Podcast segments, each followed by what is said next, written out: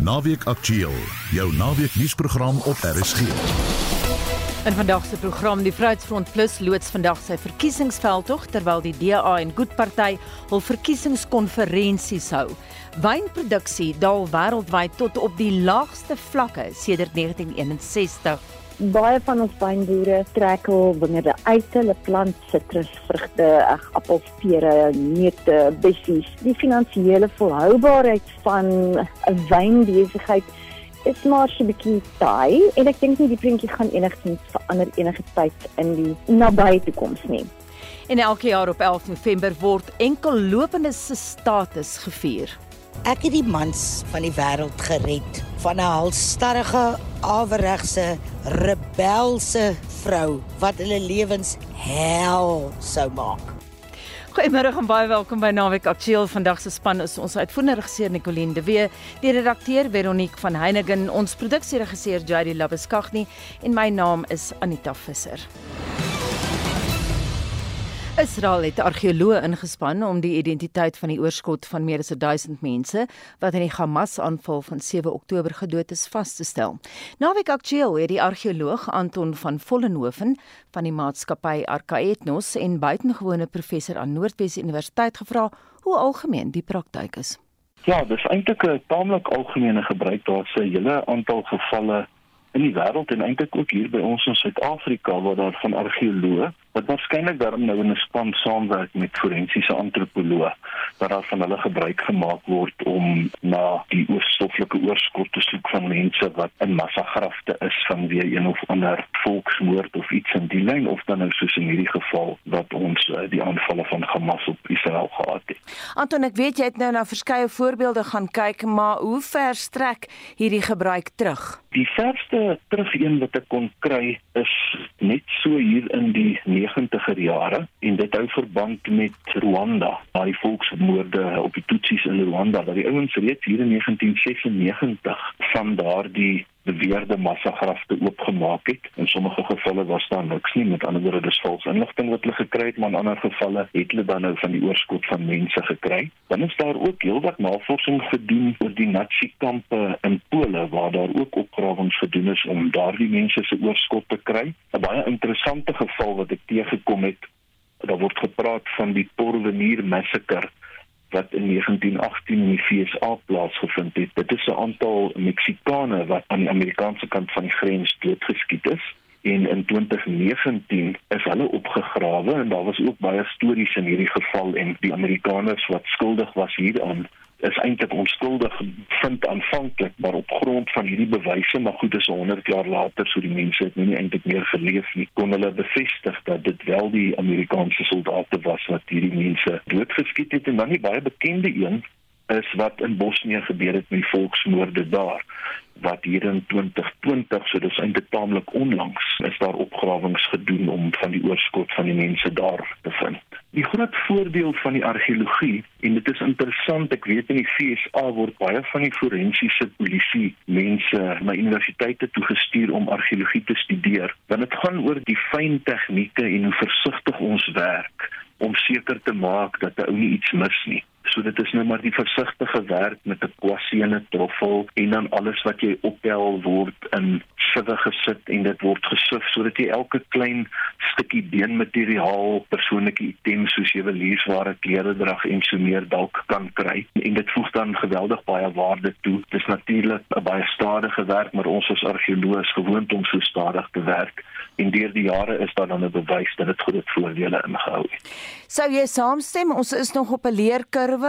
Ons is definitief nog op 'n leerkurwe. Dit is nou baie makliker, jy weet, ons is gewoond om met ou goed te werk. So jy kom toevallig op 'n graf af terwyl jy 'n opgrawing doen en dan gebruik jy nou maar hierdie tegnieke.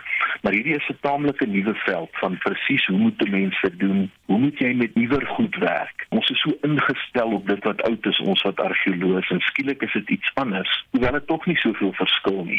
Klere drag by klere drag, juweliersware bly juweliersware. En natuurlik om deur puin te werk sê nou maar van 'n gebou wat afgebrand het of in hierdie geval wat goed uitmekaar geskiet is, is ook anders want dis nie die normale goed wat ons op 'n argeologiese terrein sou kry nie. Ons is natuurlik gewoond daaraan om op vullishope te werk omdat ons baie van ons inligting daar kry, maar hierdie is 'n bietjie anders. Dis nog nou nie heeltemal 'n is ook nie. So ja, daar's nog baie wat 'n mens kan leer.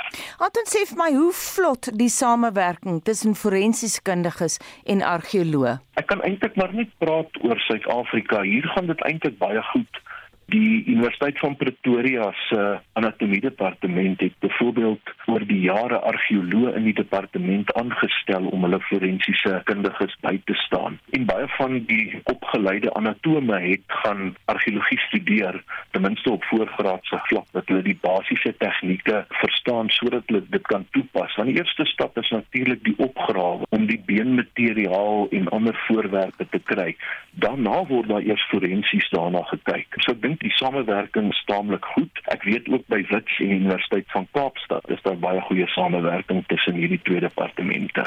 Anton, voorsien jy die gebruik van robotte in die toekoms? Ek sou kon dink in 'n geval soos hierdie in Israel dat jy die robotte sou kon inkry om net die basiese skoonmaakwerk te doen wat miskien wel daarna deur 'n sif gaan wat deur die menslike oog dopgehou word. Ek dink dit behoort dinge baie vinniger te maak, veral in hierdie geval waar jy eintlik 'n verskriklike groot hoeveelheid, ek meen ons praat van straatblokke wat platgevee is.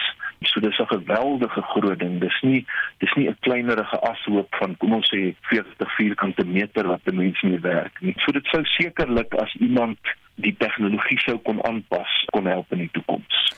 Dit dan die argeoloog Anton van Vollenhoven van die maatskappy Arca Ethnos en buitengewone professor aan Noordwes Universiteit. Sedert die Russiese inval in Oekraïne op 24 Februarie verlede jaar, het die media se aandag na ander krisispunte beweeg. Ek is pas terug uit Warskou na 'n maandlange vakansie waar tydens ek die kans gekry het om met Oekraïners en Pole te praat oor die effek van die oorlog op hulle daaglikse lewens violates the main norms of the international law and massively commits war crimes and crimes against humanity, killing civilians, destroying infrastructure and deporting the population from the first day of aggression. 'n protesoptog in Krakow, Suid-Pole. Maar is die sentiment van die handjievol pro-Oekraïense betogers beduidend? 6 miljoen Oekraïners is sedert 24 Februarie verlede jaar land uit. 1,6 miljoen van die groep het Pole toe gevlug. Een van hulle, Sneshana Fedorovich, het in die stad Wrocław in Wes-Pole haar ervaring van die Februarie aanval so verwoord. I was shocked when it happened, and I remember this first day of the war. It was just a uh, this state when you don't have any emotions. You just can't understand how in the 21st century we can encounter such a war, such a suffering for people. And the first day of the war, your mind can't instantly understand, especially when it's going to this air alarms. Everyone is afraid. Everyone didn't know what to do, where to hide, where to go.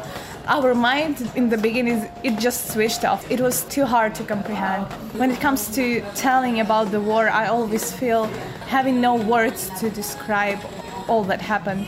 Vandag studeer die 20-jarige vrou van die Oekraïense stad Lviv politieke wetenskap in Wrocław. Albei haar ouers het tot dusver die oorlog oorleef en werk in 'n speelgoedwinkel in Lviv. Intussen hou Sneshana haarself met ander sake as haar studies besig. Even being abroad, you still feel the war. It's uh, already a prolonged war from uh, 2014, and now the full scale invasion. It just changed everything. The lives of people are changed. I've been working with uh, refugees, trying to help these displaced persons to find some shelter, some place to stay after they had to flee from their own uh, destroyed houses. Maar die Oekraïners is nie die enigstes wat hulle huise verloor het weens geopolitiese redes nie.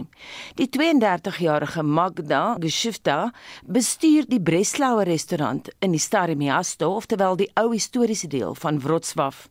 Sy vertel haar argitek oupa, Wolchuk Wichiwitski, het geen tyd vir die Oekraïners nie, want die 90-jarige man het self as kind sy huis verloor toe die stad Lviv na 'n ooreenkoms tussen Nazi Duitsland en Rusland in September 1939 deel van Oekraïne geword het. My grandpa don't like Ukraine. He hates them. When he was small, the Ukraine come to his house and said him, if you don't want to die, you uh, must uh, leave your house and go to deep in Poland because Lviv and this part of Poland it will be part of Ukraine. Trouwens, Magda se oupa kon nie eers 'n besoek aan Lviv in Oekraïne hanteer nie.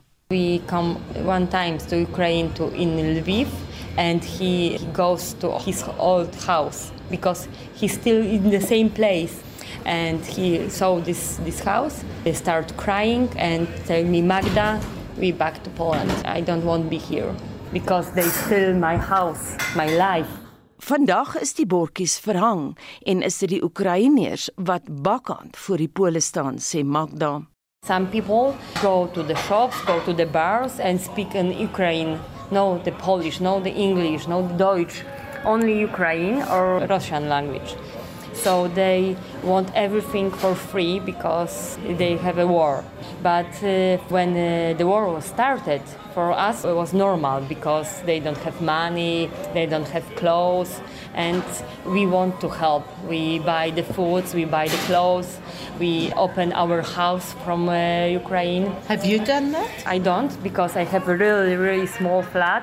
But my mother and my father take four women to our house because they have a, a big house and they give them a room and space to live. Die drie Oekraïense vroue wat die Geshufta familie vir 6 maande lank gehuisves het, is almal nou weer op hulle voete. Al is dit dan ook op Poolse grondgebied. One of them working on the hospital because uh, she finished the medical study in Ukraine. She waiting for the translated documents and I think she need to pass something test in the Polish language. And she passed it. The oldest one, she's cleaning lady. And the first one working on the aptek. Mhm, apteker. Yeah, yeah, yeah apteker. Chemist. Yeah. So tell me, are your parents friends with them? Do they still see them? Yeah. Do the Polish become friends with these yeah, refugees? Yeah, yeah, uh, we spend with them uh, holidays and we come to visit them and they visit come us. We go to the zoo and uh, they want to stay in Poland. Maar nie alle interaksies tussen die Pole en Oekraïners is so suksesvol nie. Sedert Julie vanjaar besit byna 1 miljoen Oekraïense vlugtelinge 'n sogenaamde PESEL identifikasienommer wat hulle 'n eenmalige bedrag van 300 zloty, oftewel 1320 rand in die sak bring. Dit beteken ook 'n bedrag van R2200 per kind. Oekraïners kan egter sonder 'n PESEL ID-nommer steeds baat by die Poolse gesondheids- en onderwysstelsel. Magda kla, so sommige van haar landgenote, dat sekere Oekraïners die stelsel misbruik. It's hard because uh, I see on my own eyes when rich Ukrainian people go to place for free food and I don't know why. So if she have a car for the one million dollars and clothes, Dior, Chanel, and And you've she- seen it? Yeah, I've Yeah. seen it. And she goes for free pasta, free rice. I think she's crazy. Why you do that? We want to help, but we want help these people who really need it. Wat Magda Geshifta betref, is almal welkom mits hulle die Poolse reëls volg. For example, put the glass on the special garbage, put the plastic with the special garbage. We start with it. But uh, when I see the Ukrainian people who put the glass on the paper and do, why? So be respectful, yeah? When they come here for the, our restaurant, they're screaming for the waitress, uh, she don't speak Ukraine. So I think it's crazy, but a lot of people come here and thank you for your hospitality, for your help. So it depends. Some people do that. You are welcome here, but be respectful for our country. Nie alle Oekraïners misbruik die Poolse stelsel nie. Trouwens, 250 000 van hulle besit verblyfspermitte geldig vir tot 3 jaar lank. Op haar beurt voel Snezhana Fedorovich tuis in Pole. Sy is behoorlik ingeburger en praat vlot Pools. Nou nie juis die wêreld se maklikste taal nie, maar verwant aan haar Oekraïense moedertaal. I feel myself accepted. Being with them is always an interesting experience, and I haven't encountered any bad uh, behavior towards me. Maybe it's also like related to the character of the person. So I try to see some light even in the darkest places. But still, I have this feeling of missing my home, which I think all Ukrainians do. It doesn't matter how far you are from your hometown, from your land, you still have it in your heart, and you can't just stop thinking about that. Every news that show the sufferings of my people, my nation, it just hurts every time and unfortunately it is every day i think it's okay for us even to cry when no one sees for all the sufferings our country experience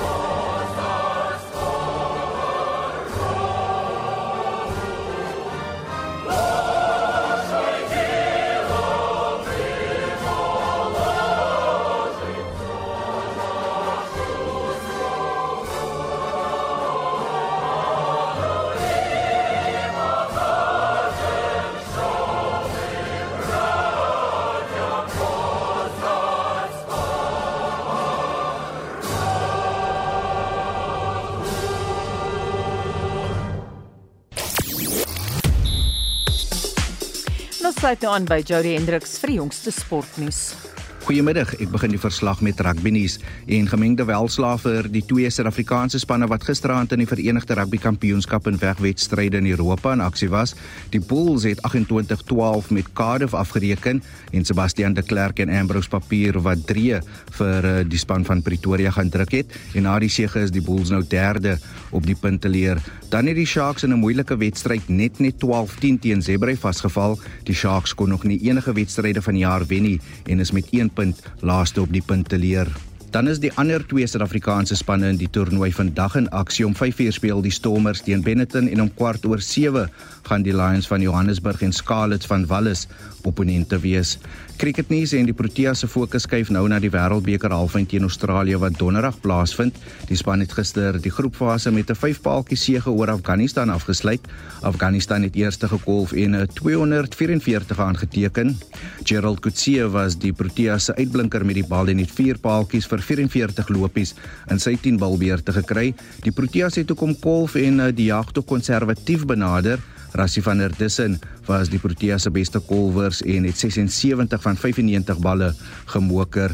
Nou soos ek gesê, die Protea se fokus skuif nou na die halfyn donderdag teen Australië, maar die span se bowlervrugter Erik Simon sê dit is nog te vroeg om te bespiegel hoe hulle die wedstryd gaan benader.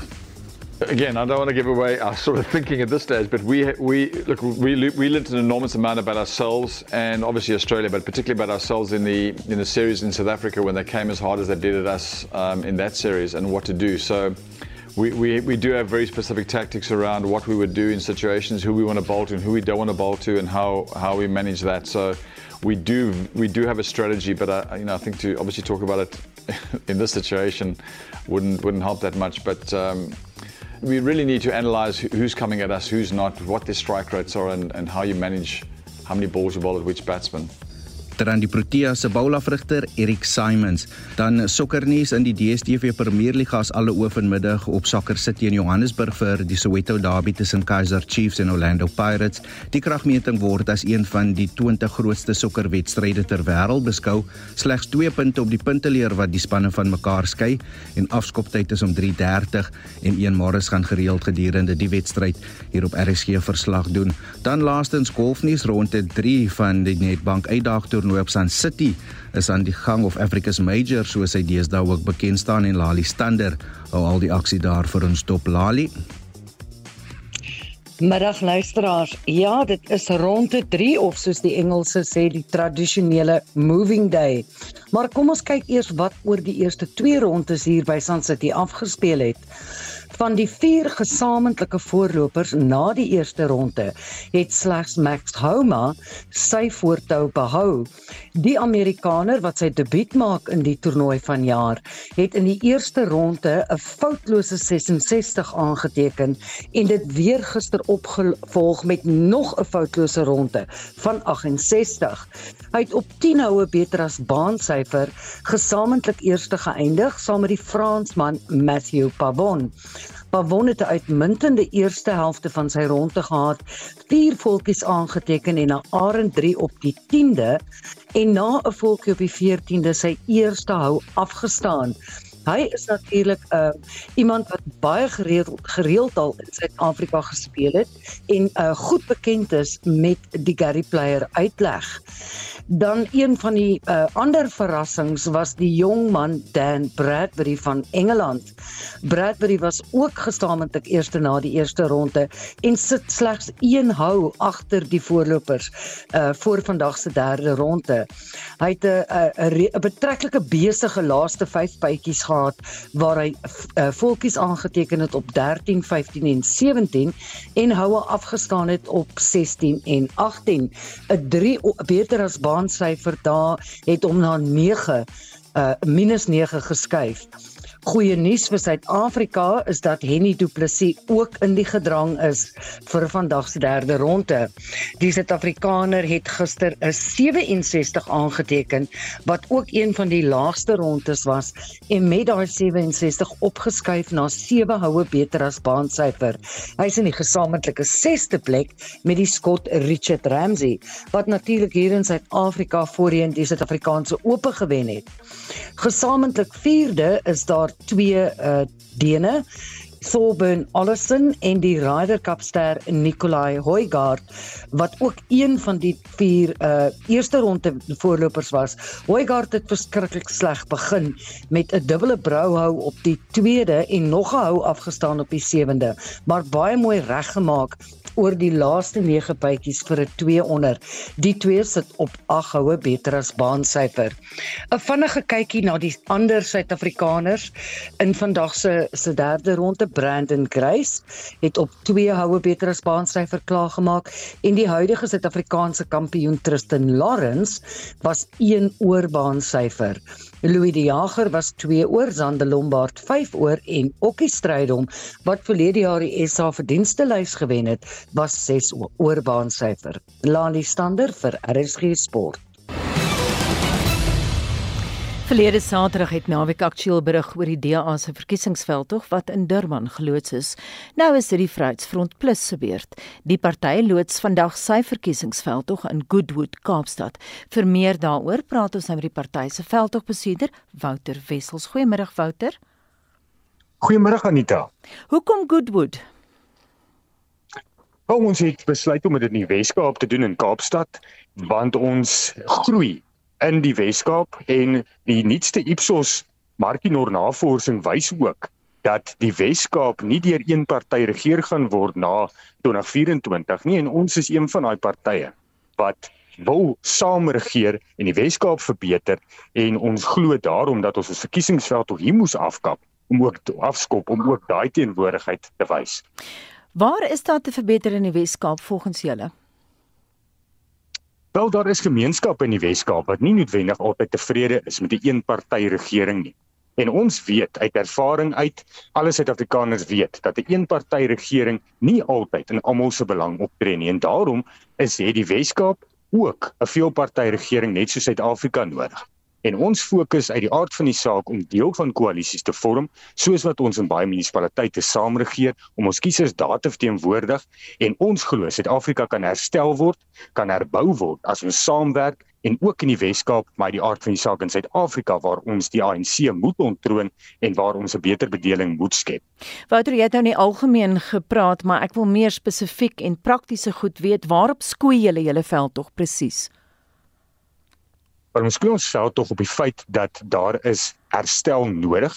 Ons weet dat die ekonomie in die moeilikheid is. Suid-Afrika is in die moeilikheid. Daar's krisisse op elke vlak en dit is baie duidelik dat die ANC val. Die ANC val om korrupsie te voorkom en daarom is daar 'n veelparty regering nodig waarvan die vryheid van plusse beleid daar moet wees wat werklike oplossings bied. So ons veld tog is gefokus op herstel en bou en dat ons dit saam kan doen. Ons is 'n suksesvolle land. As ons kyk na die wêreldbeker wat nie vir politieke redes misbruik moet word soos wat die ANC doen nie, maar wat wys dat gewone Suid-Afrikaners kan saam staan en kan en oorwin en daar is hoop vir 'n beter Suid-Afrika. En dit is wat ons veld tog skep.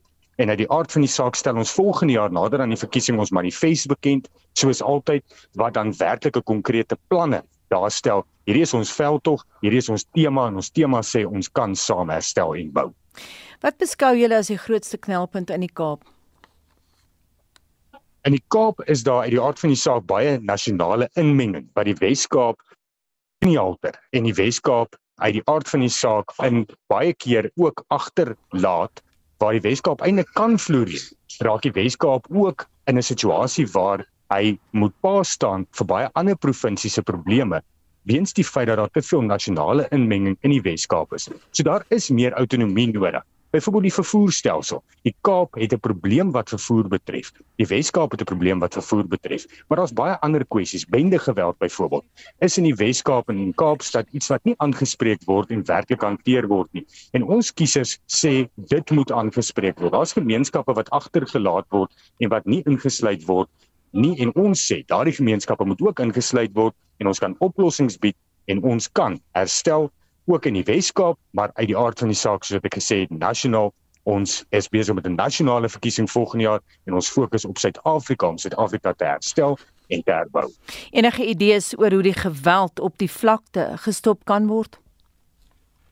Maar daar's baie konkrete planne. Jy weet ons het eh, 'n uh, baie kundige persoon by ons Lenet Max advokaat Lenet Max wat in 'n stadium ook die LER vir veiligheid was en in 'n stadium ook die provinsiale polisiekommissaris in die Wes-Kaap was. En daar's planne daar is werklike konkrete planne wat uitgevoer kan word om die Kaapse vlakte te beveilig om mense wat in hierdie stadium vergeete is wat uit uitgesluit word wat nie uh, wat vergeet word deur die provinsiale regering en die nasionale regering waar bende geweld taal en al um, buite beheer is om wel oplossings daar te bied en ons glo ons kan daai planne implementeer vir al ons deel vorm van 'n Wes-Kaapse regering na 2024. Wouter, jy het nou verwys na die feit dat Ipsos sê dat julle steenvlakke het verbeter in die Kaap. Het jy vir ons enige idee of meer inligting oor miskien wie julle grootste steen dan lewer? Is dit jong mense, is dit ouer mense, is dit vroue, is dit mans? Het jy daardie inligting, Wouter? Altyd moeilik om te sê. Uit die aard van saak in hierdie stadium is dit belangrik dat almal moet gaan registreer. Jy weet daar's baie kiesers wat of mense wat nader aan 'n verkiesing sê ons wil graag vir julle stem, maar dan is dit te laat, dan die kiesersrol gesluit. Nou daai kiesersrol gaan waarskynlik so in Februarie volgende jaar sluit wanneer die president die verkiesing proklameer. Dit is belangrik om te gaan registreer nou en nie te wag nie want as jy nie geregistreer is nie, gaan jy nie kan stem nie. Ons glo ons steun kom veral van nuwe kiesers. Ons tel dit op in ons eie navorsing. So ja, jonger persone, maar ook mense wat nog nooit gaan stem het nie, wat vir ons sê ons wil nou stem, want ons glo ons stem maak tog 'n verskil en ons sien wat julle doen op 'n daaglikse vlak wat julle raadslede doen, wat julle parlementslede doen, wat julle wetgewerlede doen en dat julle wel doen en opstaan en nie net praat nie en daarom wil mense gaan stem. So ons doen 'n beroep jy kan 'n verskil maak en gaan registreer sodat jy volgende jaar saam met ons kan herbou. Net in die algemeen, jy het nou gesê jy hou daarvan om met ander partye saam te werk en so aan. Is daar een party wat jy verkies bo die ander of is daar 'n party saam met wie jy nie sou wou werk nie? Nou die aard van die saak is dit duidelik dat die ANC Suid-Afrika val. Ek dink enigiemand kan daarmee stry nie en daar is verandering nodig. Daarom sal ons nie in enige koalisie gaan wat die ANC gaan bevoordeel. Ons sal nie die ANC in die Wes-Kaap sterker maak of bydra dat die ANC beheer oor byvoorbeeld die Wes-Kaap of enige provinsie neem. Ons sal saamwerk met ander partye om die ANC uit te hou. Uit die aard van die saak is daar dan 'n party soos die EFF met wie se beleid ons nie kan saamstem nie, wie se beleid nog meer vernietigend as die ANC se is en daarom kan ons ook nie daai beleid bevorder nie want dit sal tot alle Suid-Afrikaners se nadeel wees en daarom is ons duidelik oor ons standpunt dat ons nie in 'n koalisie sal gaan saam met die ANC of saam met die EFF nie. Baie dankie dit aan die Vryheidsfront Plus se veldtogbestuurder Wouter Wessels. En uh, nog politieke nuus is dat beide die DA en die Good Party vandag verkiesingskonferensies in die Kaap hou. Stemgeregtigde afgevaardiges van die twee partye sal dan nuwe amptenare verkies in aanloop tot volgende jaar se algemene verkiesing wat allerweë beskou word as 'n waterskeiding vir Suid-Afrika. In die geval van die DA is die verkiesing beperk tot die party se Kaapse leiers. Dis nou 12:36 my naam is Anita Visser en jy luister na Naweek Aktueel. Ford Suid-Afrika is 100 jaar oud, berig Wessel Pretorius in sy weeklikse motorrubriek.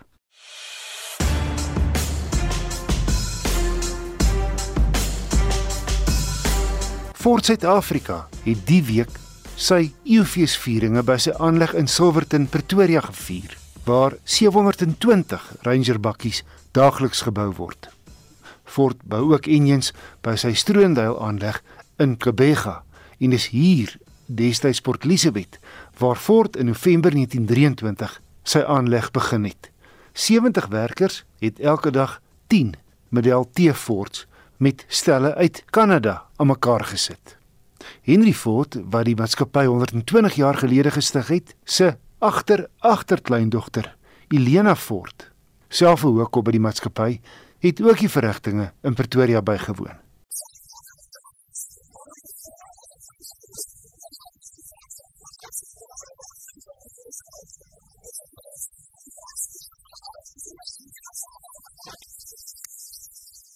‘n Belegging van 5,2 miljard rand is aangekondig vir die vervaardiging van hibriede Rangers as die eerste stap om elektriese Fords in Suid-Afrika te maak.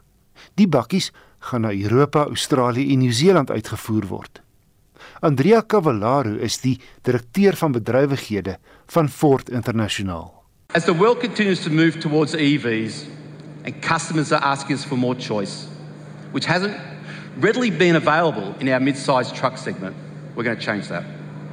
I'm super proud to announce that the Silverton Assembly Plant will begin producing the first ever plug-in hybrid Ranger next year. Die aankondiging kom op 'n tydstip dat plaaslike voertuigvervaardigers by die regering duidelikheid soek oor elektriese voertuigaansporings en beleid. Die gebrek aan regeringsbeleid oor die aanvaarding van elektriese voertuie in Suid-Afrika kan die land se uitvoermark bedreig met dit dat ons grootste markte beplan om binnebrand-enjins vanaf 2035 te verbied. Onthou binne 2/3 van voertuie wat plaaslik vervaardig word, word oorsee verkoop. Maar daar's groeiende kommer dat Suid-Afrika kan verloor as die land nie die kapasiteit het om hibriede en elektriese voertuie op groot skaal te vervaardig nie. Neil Hill is Ford se Afrika president. We, as the automotive industry and specifically NAMSA, have been engaging very extensively with the government in terms of helping to formulate a policy that allow us to really protect a very important part of our manufacturing base in South Africa. You know, the automotive industry is a key contributor to South Africa. We contribute over 5% as an industry to the GDP of South Africa. And one of the things that we are all very concerned about is our future of producing vehicles, especially in scale for export. Ford Suid-Afrika het tydens sy feesvieringe ook hulde gebring aan 20 van sy werknemers wat al 40 jaar of langer by sy aanleg te werk. Die maatskappy het tans 5200 werkers in Pretoria en die Baai in diens. The hybrid cars are your future. We know with global warming what's happening currently now in the world. So the whole world is moving towards uh, electrical vehicles. And obviously, we don't want to be left behind. As a South African, it's a success business that is coming from next year. We already went for the training, we know how to operate it. So we are happy, we can't wait. For the past 45 years, I can start earlier because when we started working here, remember things were done manually. We didn't have this high technology that we see now. Everything was done manually. You have to read on the book how to do certain things. Ford het ook verskeie opwindende nuwe modelle aangekondig wat oor die volgende 2 jaar Suid-Afrika toe kom. Wat my egter opval, is dat daar geen nuus is van goedkoper intree vlak brood en botter modelle nie. En die goedkoopste Ford tans te koop kos 'n half miljoen rand, terwyl bekostigbare rygoed die afgelope 50 jaar juis deel was van Ford se sukses. Die Anglia in die 60er jare, die Escort in die 70s en 80s en toe die Fiesta. Maar staatmakers soos die Fiesta, Figo en EcoSport is nie meer plaaslik beskikbaar nie. En dit lyk nie asof plaasvervangers gou op pad is nie.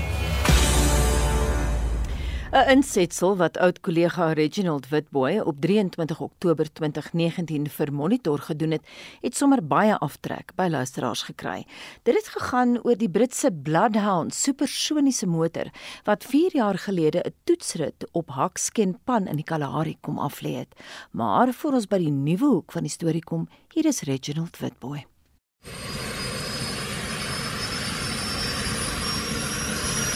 Dit is die oorverdowende geluid van die Bloodhound supersoniese motor. Dit is die vinnigste voertuig ter wêreld wat deur 'n moderne EJ200 spuitvliegtuig engine aangedryf word. Die voertuig het soliede aluminium wiele wat spesiaal vervaardig is om teen supersoniese snelhede te kan ry. Die bestuurder van die Bloodhound, Andy Green, 'n oud Britse lugmagvlieënier, het 4 jaar gelede in 'n onderhoud met Reginald Witboy sy ambisie so verwoord. It's an extraordinary achievement to create what is now the world's best straight line racing track. We have got the most advanced straight line racing car in history here on the pan, and now we actually start uh, making some real impression with testing the car. Testing initially is going to start very slowly, very, very slowly for us. 300 kilometers an hour. And then we'll go up through 400, 500, all the way up to 800 or above 800 kilometers an hour.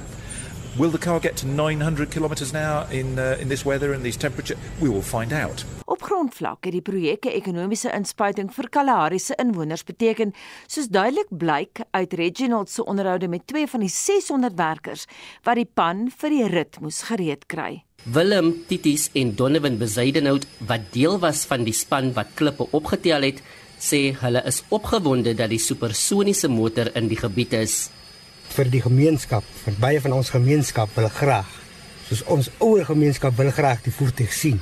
Ek het die pan skoon gemaak. Ons het 17 km skoon gemaak. Eindelik 16, maar die 17de stuk het in die green toe gevra ons moet dit skoon maak. Kyk dat hy kan tot 'n stop vir hom kry. Ons het baie lank gewag vir die kar.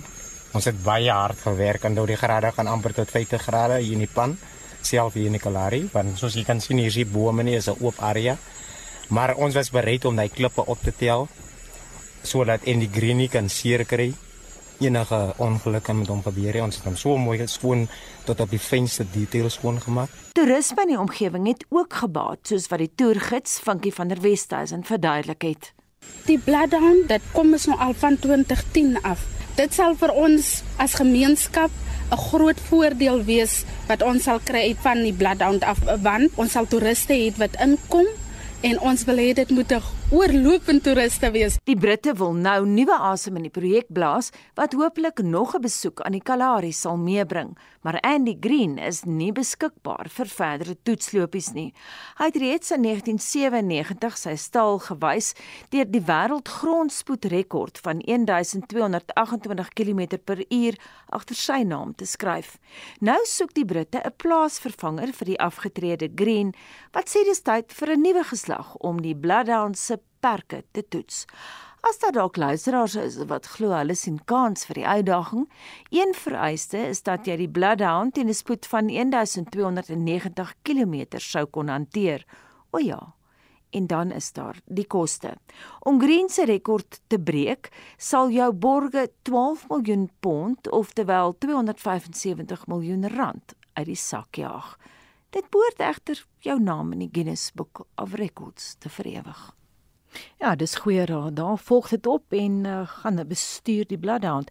Die onderhoud uh, wat Reginald Witboy vir ons gedoen het in 2019, het ons in die SAIK se klankargief opgespoor met behulp van Karen de Tooy.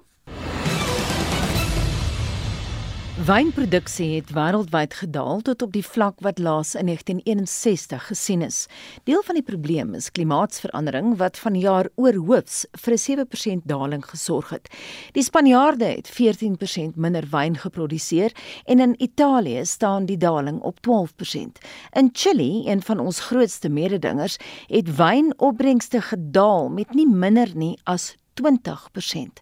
Naweek Aktueel het by Marina Callow kommunikasiebestuurder by Wines of South Africa, gaan uitvind hoe sake hier staan. Ja, Anita, die situasie in Suid-Afrika lyk maar min of meer dieselfde. In 2023, ons laaste oes, het ons met min of meer 14% gedaal in terme van ons volume van produksie. So ja, die tendens volg ons ook hier in die suidelike halfronde. Is dit net slegte nuus? Nee, dit is nie slegte nuus nie ons is op 'n punt, is dit van equilibrium, veral na die pandemie. Met die verskeie beperkings op verkope van alkohol in Suid-Afrika gedurende die pandemie tyd, het ons eintlik 'n oorskot van wyn gehad. So die feit dat ons nou so 'n bietjie minder wyn het wat in omgang is, is eintlik 'n bietjie van 'n positiewe. Natuurlik is die ander positief, 'n geval van daar is minder wyn so ons kan meer vra vir ons wyn in terme van randwaarde. En dit is iets wat ons as bedryf baie belangrik vind. Ons wyn is regtig nog goedkoop veral in vergelyking met ons internasionale kompetisie en die geleentheid om ons pryse so 'n bietjie op te stoot vir al internasionaal is regtig 'n positiewe ding vir ons. Is daar nuwe markte wat jy sou wou inbreek? Ek was nou in Pole en ek het daar in een supermark het ek van julle wyn gesien, maar oor die algemeen is ons wyn nie daar bekend nie. Is dit dalk 'n interessante nuwe mark vir ons? Ja, dit kan definitief 'n interessante mark wees. Ek sien daar is 'n paar van ons produsente wat uitvoer na daardie mark toe. Ek dink op hierdie stadium is dit 'n kwessie van wie stel belang in Suid-Afrikaanse wyn en wie is bereid om die regte prys te betaal. Ons gaan definitief nie iemand wegdraai en sê nee, dankie, ons verkoop nie aan jou nie, maar dit moet winsgewend wees. In terme van markte waar daar geleenthede is, is Afrika seker een van die mees opwindende markte. Amerika is 'n baie positiewe mark. Hulle betaal ook ordentlik vir hulle wyn. Ons moet net ons beste voetjie voorsit wanneer dit by hierdie internasionale markte kom om onsself te posisioneer as 'n wynproduserende land wat kwaliteit lewer en ons storie vertel. Nou kan ons nie kyk na alternatiewe variëteite nie om nou aan te pas by wisselende weeromstandighede nie. Dit is definitief iets wat alreeds aan die gang is Anita. Ons produsente kyk na alternatiewe variëteite. Ons sien goed wat geplant word soos Assyrtiko, dis 'n tradisionele Griekse druif of Verdecho wat meer in die Mediterrane warm klimaat geplant word. So hierdie tipe goed sien ons en ons sien ook dat wingerde geplant word in minder tradisionele streke. Jy weet as jy kyk, daar word nou meer wingerde geplant in die Cederberge, selfs in Ceres waar die klimaat koeler is, meer hoogte bo see speel. Dit gee vir ons 'n nuwe speelvlak. Streke soos Elgin en Elim waar die klimaat heel wat koeler is, is ook areas wat fantastiese kwaliteit wyne vir ons lewer. So, daar's baie dinge wat gedoen word om hierdie klimaatsverandering teen dit te werk en nuwe geleenthede te bied vir ons wynprodusente. Nou sien ek Marina, die Chilene sukkel ook, hulle wynproduksie het ook erg gedaal. Dis ook maar goeie nuus vir ons want dit is een van ons belangrikste mededingers. Ek sien die BBC skryf, hulle is die grootste uitvoerder van uit die suidelike halfrond van wyn. Hulle is een van die grootste suidelike halfrond produsente.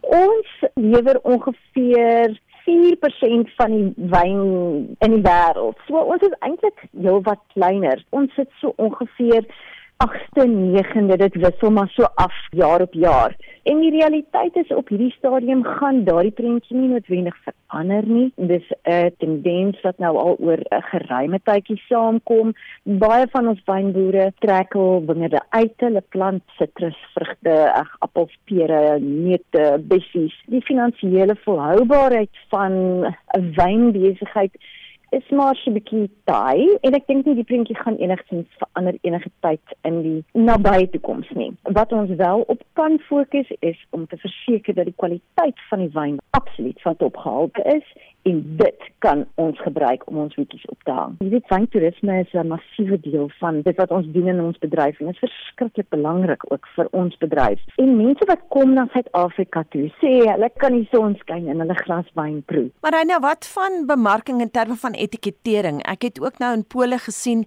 dat die Portugese se wynbottels trek dadelik mense aan in terme van die etikettering, die kleur wat daarop staan, mens wil daai bottels koop. Dink jy ons het lesse daar te leer? Ja. Elke etiket het maar 'n storie om te vertel en dit hang af van elke produsent wat die storie is wat hulle wil vertel en wat hulle wil uitbeeld en wat die ethos is. Maar uit 'n etiketeringsperspektief is daar nou interessante uh, bewegings veral in Europa. Van die 8de Desember af hierdie jaar is daar nuwe wetgewing wat in Europa basies sê jy moet op jou agterste etiket of iewers of dit nou deur middel van 'n uh, QR-kode of hoe ook al jy dit wil uitsit, moet jy die inhoud van daardie wynproduk tentoonstel alles van suiker tot kalorieë en kilojoules en al daardie dinge die verbruiker wil weet wat hulle drink. Eet die reëls raak strenger en ons moet byhou. Ons moet bybly met alles. Ons is gereed vir die ding. Alles beweeg vorentoe en ons moet bybly. En so sê Marina Kello, sy is kommunikasiebestuurder by Wines of South Africa. China vier vandag nie amptelike vakansiedag want dit is enkel lopende dag oftewel Singles Day.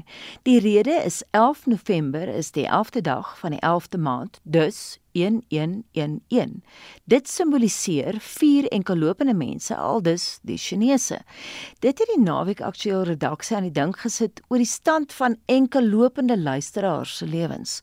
Ons het sommer eerste aan bekende akteurs gedink en aan die beurt is Liz Meyering wat na dekades op die planke geen bekendstelling nodig het nie.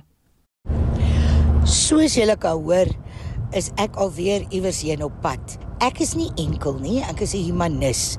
Ek het die mans van die wêreld gered van 'n halstarrige aweregse rebelse vrou wat hulle lewens hel sou maak. Ek dink dit is fantasties dat die Chinese so 'n dag het. Maar dis vir my jammer dat mense wat enkel is, voel hulle staan uit want net soveel soos wat ons vir diegene wat dit in hulle lewens wil hê, 'n gelukkige verhouding gun, gun ons ook wat die keuse gemaak het om enkel te wees, ons lewe Ek sê baie keer as mense vir my sê, "Hoekom is jy nie getroud nie?" dan sê ek, "Hoekom is jy getroud? Ek hoop jy het die regte besluit gemaak en jy het dit besluit omdat jy reg wou, nie omdat dit in aanhalingstekens iets is wat mens doen nie." En as hulle my sê, "Hoekom het jy nie kinders nie?" dan sê ek, "Hoekom? Het tragedie nog geselskap nodig? Dis Misery Life Company." So ek gun elkeen wat hulle ook al in die lewe wil hê. Solank 'n mens onthou om saam met iemand te wees of sonder iemand te wees, is 'n keuse. Ek geniet dit verskriklik om enkel te wees. Ek kan met elke man flirteer. Ek kan maak nes ek wil. Hier is ek nou weer op pad lughawe toe om te gaan shows doen. Dis my liefde. Dit is my minnaar. Is my werk. Gelukkige singles dag aan al die enkeles en uh die wat in verhoudings is, ek gun julle geluk en die wat nie is nie, moenie jaloers wees nie. Meyring se kollega, die 28-jarige Stean Brouwer, het vanuit sy Northcliffe huis in Johannesburg die volgende stywer in die armbeurs gegooi. Ek kan doen wat ek wil, pretty much enige tyd van die dag. Ek kan 'n vir breakfast 'n bier hê. Ek kan dit doen. Jy weet as daai bier oop en hoor ek mense mos altyd, "Wat was dit?" I don't have that problem. Ek dink ek het twee kussings in my huis and that's about it. Ek het nie enige van daai snaakse harde kussings wat op die bank is nie. Ek kan nie onthou wanneer laas ek die toilet seat neergesit het nie of moeilikheid gekry daarvoor nie. Ja. Yeah. In jou yskas, hoe lyk 'n enkel lopende man onder 30 se yskas? Vol bier of wat? Ou pizza? Depressing. Kom ons sê dis baie leeg want met al die load shedding, jy weet, gaan die kos sleg. Ons kry maar gereeld takeaways. Jy weet. wat irriteer jou van uh, van 'n verhouding om saam met iemand te woon? Wat is nie vir jou lekker daaraan nie? Uh Ek het nou nog nooit saam met iemand gewoon gebly gebly nie, maar die kere wat ek nou al saam met my vriende kreer toe was en gaan kamp het en goed soos dit. Hier by dag 3 is ek ongelukkig baie keer moeg vir iemand se gesig. Moeg vir hulle van die jy weet die snaakse goedjies wat hulle doen is nou nie meer cute nie. Ek dink dis hier van se mense heeltyd onder my voete is man. Dit pla my. Dit raak aan my. Jy weet. Dit is lekker net om op jou eie te gaan sit en dink sonder dat iemand ja, praat. Ja, dit is. Ja, dis lekker. Kyk om om om 'n lekker stilte tyd te kan hê is fantasties. Dit is nou maar lekker om te kan sit soos jy sê dink oor goeters en soms ook om net te sit en niks te doen. Jy hoef eers te dink. As ek nou video games speel, ek kan shut my brain down vir 'n tyd. Net rustig wees. Maar hoe voel sielkundiges oor enkellopendes se emosionele welstand? Ons het gaan kers opsteek by professor Vera Roos van Noordwes Universiteit se Optensia Navorsingseenheid. Sy spesialiseer in verhoudingsdinamika. Dit verskil uh, van mens tot mens. Eerstens wat jou behoefte is aan interpersoonlike verhoudings en natuurlik wat jou kapasiteit is vir interpersoonlike verhoudings. So jou kapasiteit vir 'n interpersoonlike verhouding hang af daarvan van hoeveel mense jy om jou kan hanteer en hoe vinnig jy moeg raak van so 'n tipe interaksie. Wanneer ons te doen het met mense of enige interaksie, dan is daar 'n bepaalde impak op ons wat ons registreer. Dit klink vir my steen met 'n kleiner kapasiteit dan om die hele tyd met groot groepe mense om te gaan. En dan is die huis vir hom amper soos 'n veilige hawe waar hy kan gaan onttrek en net in sy eie ruimte wees waar die goed bekend is waar hy kan amper asem uitblaas en ontspan. En ek dink die kwaliteit van verhoudings is ook belangrik wanneer 'n mens dan kies om eerder 'n uh, alleenpad te loop of dan in 'n verhouding te wees. Die kwaliteit van verhoudings het te doen met temperatuur. Daai temperatuur wissel En die temperatuur van die verhouding is deurslaggewend, sê professor Roos. As dit nie reg is nie, word die verhouding 'n soort marteling, gelykstaande aan die Chinese se oneindige waterdruppel op die kop. Na tyd lank is daai waterdruppel soos 'n hamer op jou kop. As 'n mens dan nou binne in daai interpersoonlike verhouding amper soos 'n skuur effek voel en dit is nie vir jou 'n gemaklike plek om te wees nie. Dit dan professor Vera Roos van Noordwes Universiteit se Optensia Navorsingseenheid wat spesialiseer in verhoudingsdinamika. En is nou tyd om te groet namens ons uitvoerende regisseur Nicoline de Wee, die redakteur vandag Veronique van Heiningen, ons produksieregisseur JD Labuskaghni en my naam is Anita Visser.